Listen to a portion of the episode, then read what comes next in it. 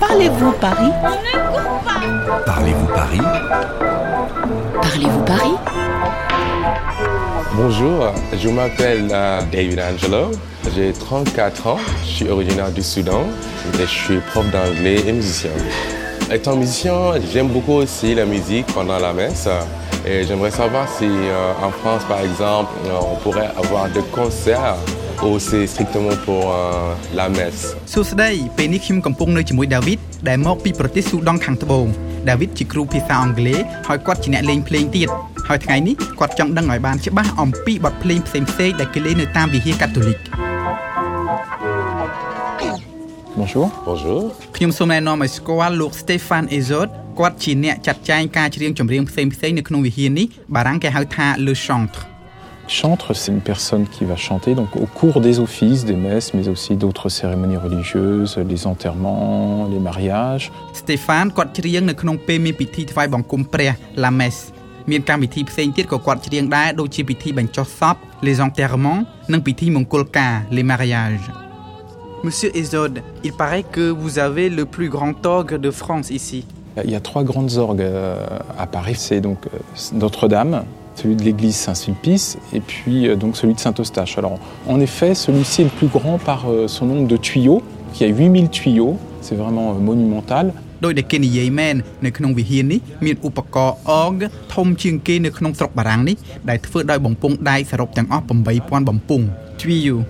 Et il y a donc 102 jeux. Alors 102 jeux, c'est euh, 102 types d'instruments, jeux d'instruments qui sont répertoriés. Et donc, euh, bien sûr, que l'on mélange au gré des œuvres jouées, au gré de la volonté de l'organiste.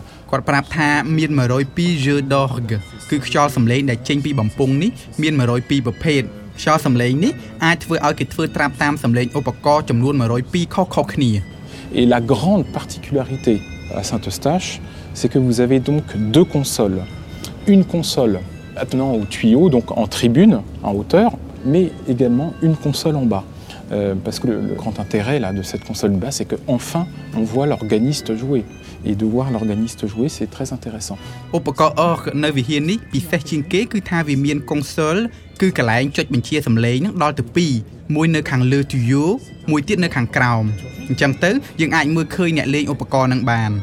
En 1855, vous savez que Berlioz a, créé euh, beaucoup de ses œuvres ici à Saint-Eustache. C'était toujours des créations monumentales avec euh, 500 voire 800 exécutants, euh, je crois que pour le Tédéum. Berlioz l'avait vraiment conçu comme un dialogue entre l'orchestre, qui était donc placé dans le cœur de la nef, et le grand orgue. Donc vous voyez là, on voit vraiment que l'orgue, ça fait partie du rayonnement de Saint-Eustache, des concerts, euh, voilà. គាត់ប្រាប់ថានៅទីនេះឯងដែលអ្នកនិពន្ធបទភ្លេងបុរាណដ៏ល្បីរបស់បារាំងគឺលោក Berlioz គាត់បាននិពន្ធបទភ្លេងល្បីៗរបស់គាត់មួយចំនួន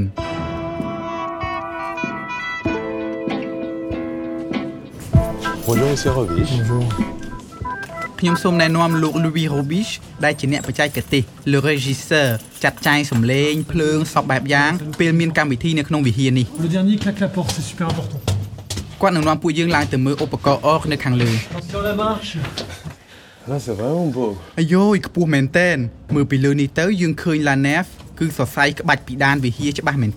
On voit ici flûte, euh, violoncelle, euh, contre-trombone. Euh. Vous aurez le son du violon, vous aurez le son de la contre-bombarde. en fin de compte, un orgue. C'est un orchestre à lui tout seul.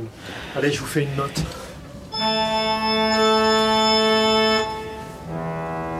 comme un bateau. Ouais, c'est ça.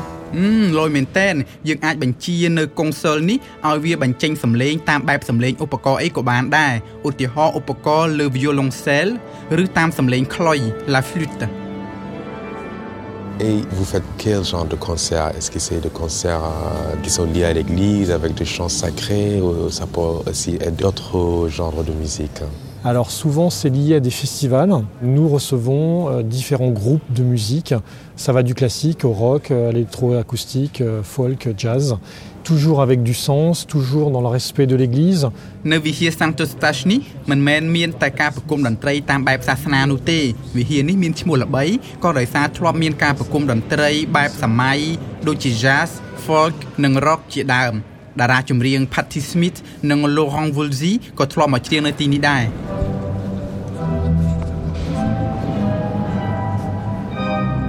Est-ce que les musiciens qui viennent ici faire des concerts ont un lien avec la paroisse ou avec euh, la foi catholique ou c'est pas obligé?